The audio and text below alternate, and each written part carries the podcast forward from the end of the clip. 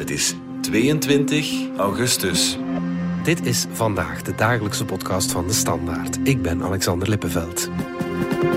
Het lijstje met topvoetballers die in Saudi-Arabië gaat spelen wordt alsmaar langer. Toppers op leeftijd en jonge talenten trekken naar de woestijn voor grof geld. Nochtans heeft Saudi-Arabië een bedenkelijke reputatie als het om mensenrechten gaat. Deze week kwam in een rapport naar buiten dat vluchtelingen aan de grens met Jemen worden doodgeschoten. Wat is er aan de hand en waarom zet het land zo hoog in op sport?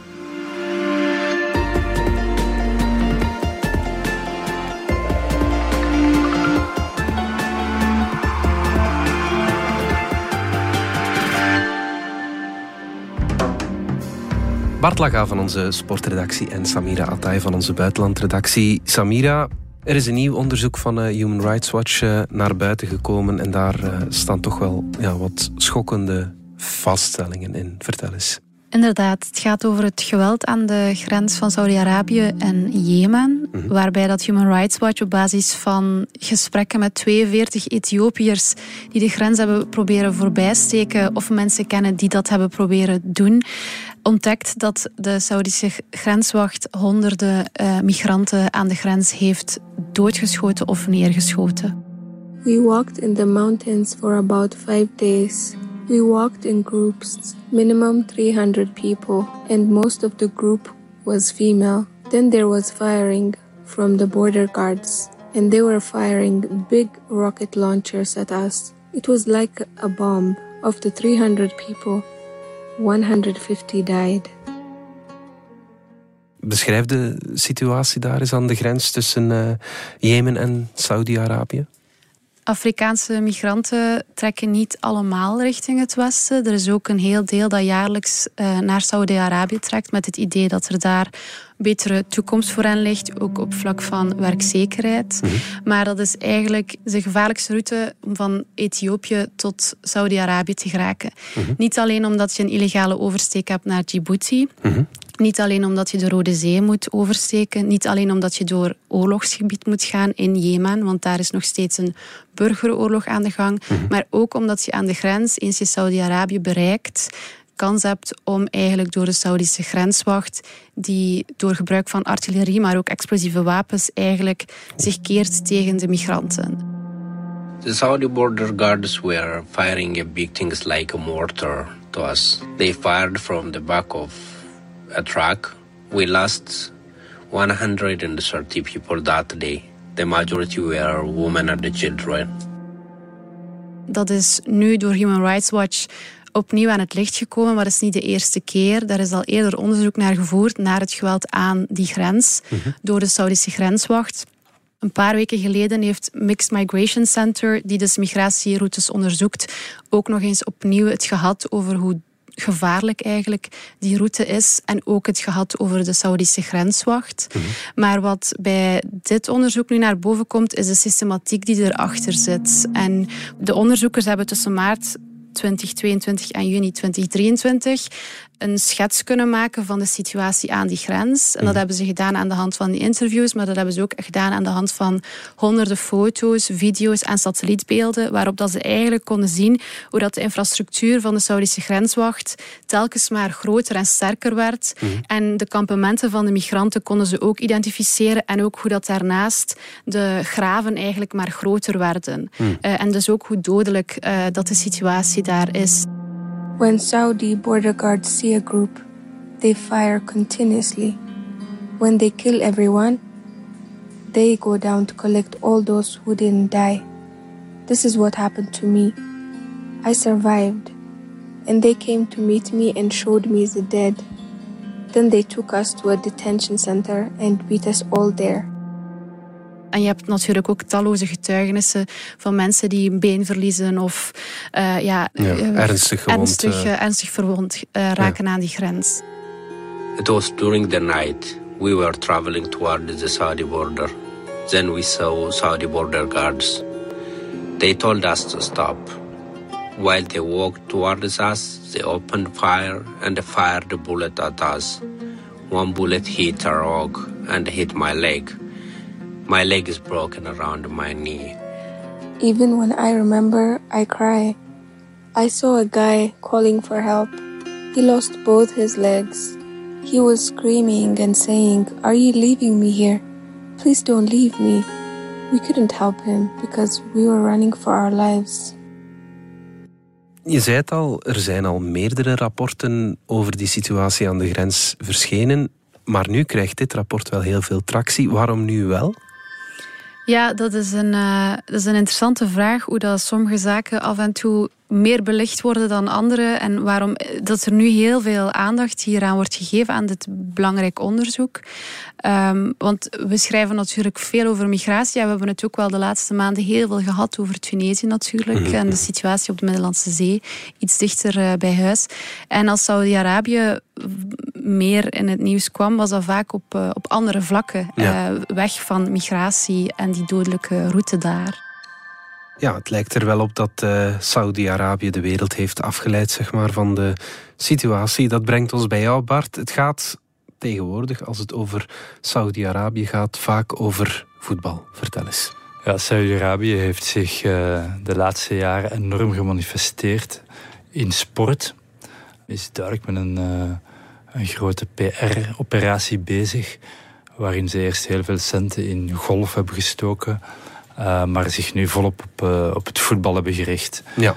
En uh, vooral deze zomer proberen ze voetbalsterren ook naar eigen land te halen. Ze hadden al in Engeland Newcastle United gekocht. Het was al een hele grote operatie waar veel vragen over werden gesteld.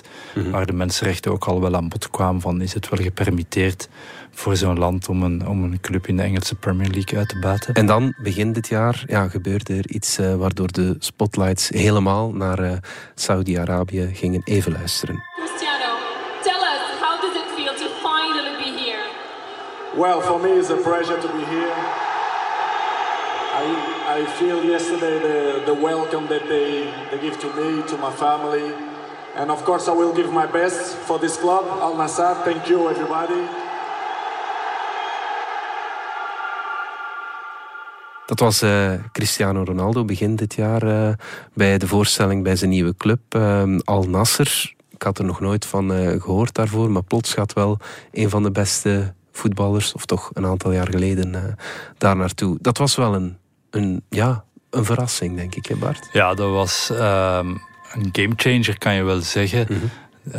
Oké, Ronaldo is niet meer zo jong, maar toch nog qua populariteit, maar toch misschien nog wel een beetje naar prestaties toch nog altijd in de allerhoogste categorie. Mhm. En dat zo iemand ervoor kiest om de laatste jaren van zijn carrière in Saudi-Arabië te gaan spelen, dat was nog nooit gezien. En het is ook niet bij Ronaldo gebleven. Mhm.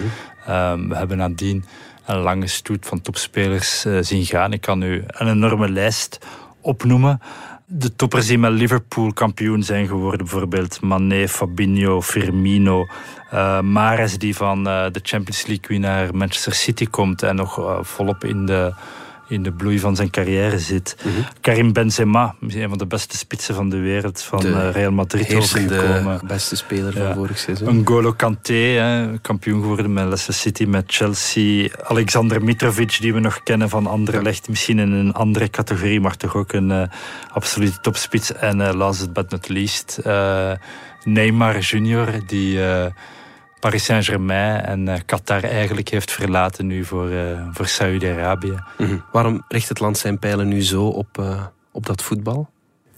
Ja, het voetbal is natuurlijk um, een van de populairste sporten van de wereld. En ook in Saudi-Arabië zelf is het heel populair. Niet vergeten dat het land overigens op het laatste WK in Qatar gestund heeft. Onder andere door uh, de latere wereldkampioen Argentinië te verslaan mm. in de groepsfase. Dus het, het is niet zo dat het uh, geen voetbaltraditie heeft. Maar ja, veel is toch terug te voeren eigenlijk op één persoon. Uh, Mohammed bin Salman, de kroonprins van het land, de facto ook de leider. Een van de meest invloedrijke figuren stilaan op het wereldtoneel. Ik denk dat het Amerikaanse zakenblad Forbes rangschikte hem op de achtste plaats in zijn laatste ranking. Okay. Omdat hij zich ook wel internationaal echt profileert. Um, dat doet hij met heel veel geld. Er is een uh, staatsfonds in uh, Saudi-Arabië het Public Investment Fonds, uh, PIF. Waar zo'n uh, kleine 6 miljard euro opzij is gezet geweest om te investeren in sport. Ja. Ja, en waarom in sport? Ja, dat is een beetje in navolging ook van wat Qatar misschien gedaan heeft op het WK, wat ook vele andere landen doen. Een manier om de PR te verzorgen. Het is de bedoeling van Saudi-Arabië om uh, de economie wat diverser te maken, de afhankelijkheid van olie terug te draaien. En hoe kan je dat doen? Bijvoorbeeld door toerisme aan te zwengelen. uh, Lionel Messi die is niet in Saudi-Arabië gaan voetballen. Maar die heeft wel een uh, contract als ambassadeur, als toeristische ambassadeur voor het land. Wat ze ook proberen te doen, zijn gewoon buitenlandse investeringen naar het land halen. En dan is sport, ja, kan dan een vliegwiel zijn, een, een grootschalige uit de hand gelopen PR-operatie voor het land, uh, zou je kunnen zeggen. Ja, je zegt het, een kleine 6 miljard, dat is wel gigantisch veel geld. Stoppen ze dan letterlijk die voetbalclubs geld toe? Of hoe, hoe gaat dat in zijn De Public Investment Fonds heeft vier clubs overgenomen in het land. Dat is eigenlijk wel interessant voor voetballiefhebbers dan dat enerzijds een aantal clubs in die competitie wereldsterren heeft, maar je hebt daar ook nog altijd clubs. Er is er bijvoorbeeld eentje getraind door uh, Yannick Ferreira. En Laten we zeggen, met alle respect gezegd, een bescheiden Belgische coach. Die spelers uit de Belgische competitie daar uh, plaatst. Dus je hebt daar echt een competitie op twee snelheden. Mhm. Ze hebben ook nog altijd hun, hun, club in Newcastle United natuurlijk. Ze proberen gewoon enorm veel uh, internationale toppers eigenlijk uh, onder Saudische vlag te laten voetballen. En ehm, ja, ze proberen ook die tv-rechten voor die competitie aan de man te brengen. Je kan ook in België al kijken naar wedstrijden van de Saoedische competitie. Mhm. In het golf hebben ze hetzelfde gedaan. Daar staan ze al een stapje verder. Ze hebben eerst een parallel circuit opgericht, Live Tour, een Mhm. aantal toppers aangetrokken. Thomas Pieters, onze beste Belgische golfer, was bijvoorbeeld een van die golfers die tussen aanhalingstekens overstag is gegaan, of tenminste zo werd dat dan bekeken vanuit het meer traditionele golf. Maar ondertussen hebben zij een deal gesloten met de internationale uh, golfbonden. Hm. En ja, zijn ze eigenlijk de facto nu mede-eigenaars of uh, beheerders van de internationale golfwereld. Uh, ja. De vraag is of ze daar in het voetbal ook in zullen slagen. Ja, want dat is hun doel, de macht van Europa breken, om het uh, met grote woorden Inderdaad, te zeggen. en um, dat is eigenlijk wel iets waarmee hun PR-opdracht vooral dan buiten Europa aanslaat.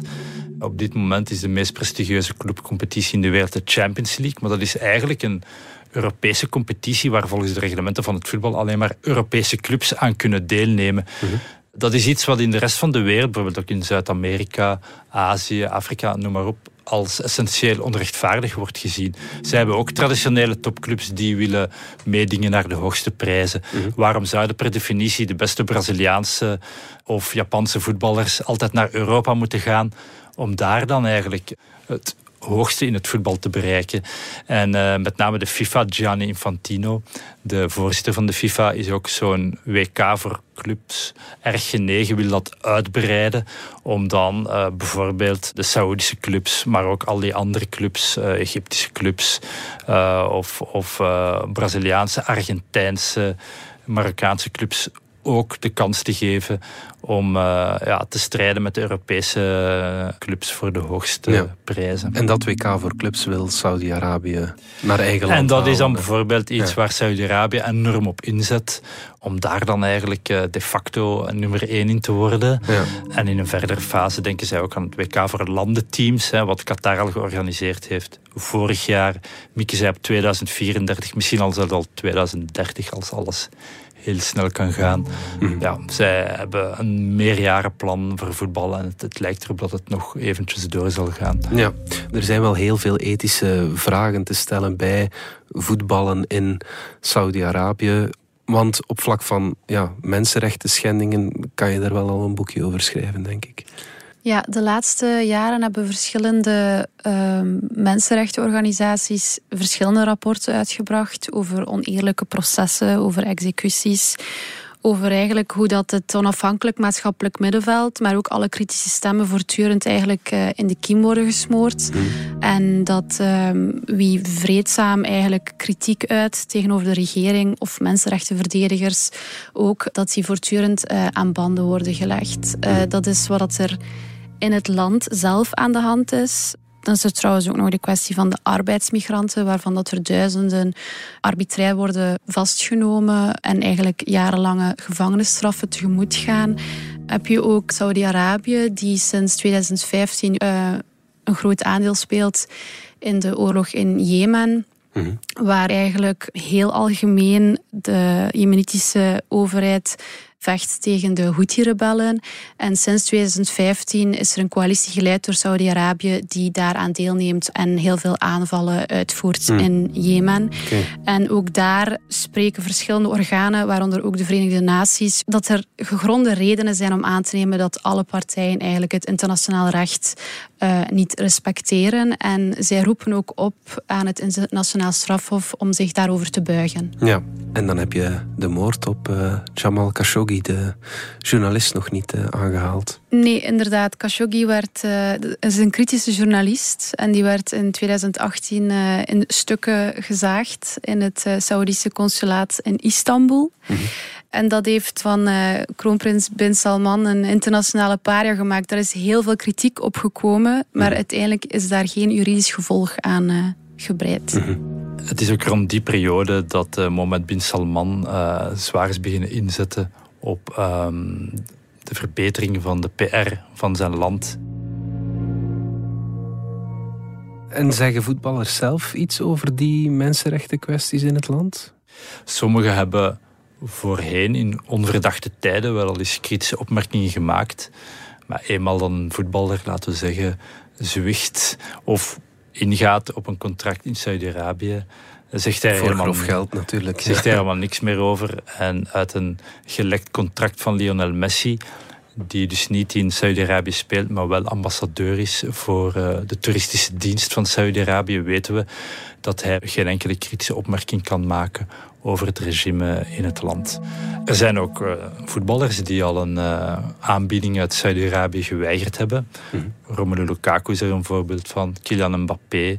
En van Kylian Mbappé weten we bijvoorbeeld dat hij ook wel heel erg vasthoudt aan, aan bepaalde waarden en normen en bepaalde sponsors, uh, endorsements weigert omdat die niet voldoen aan, aan een maatschappelijk beeld dat hij heeft.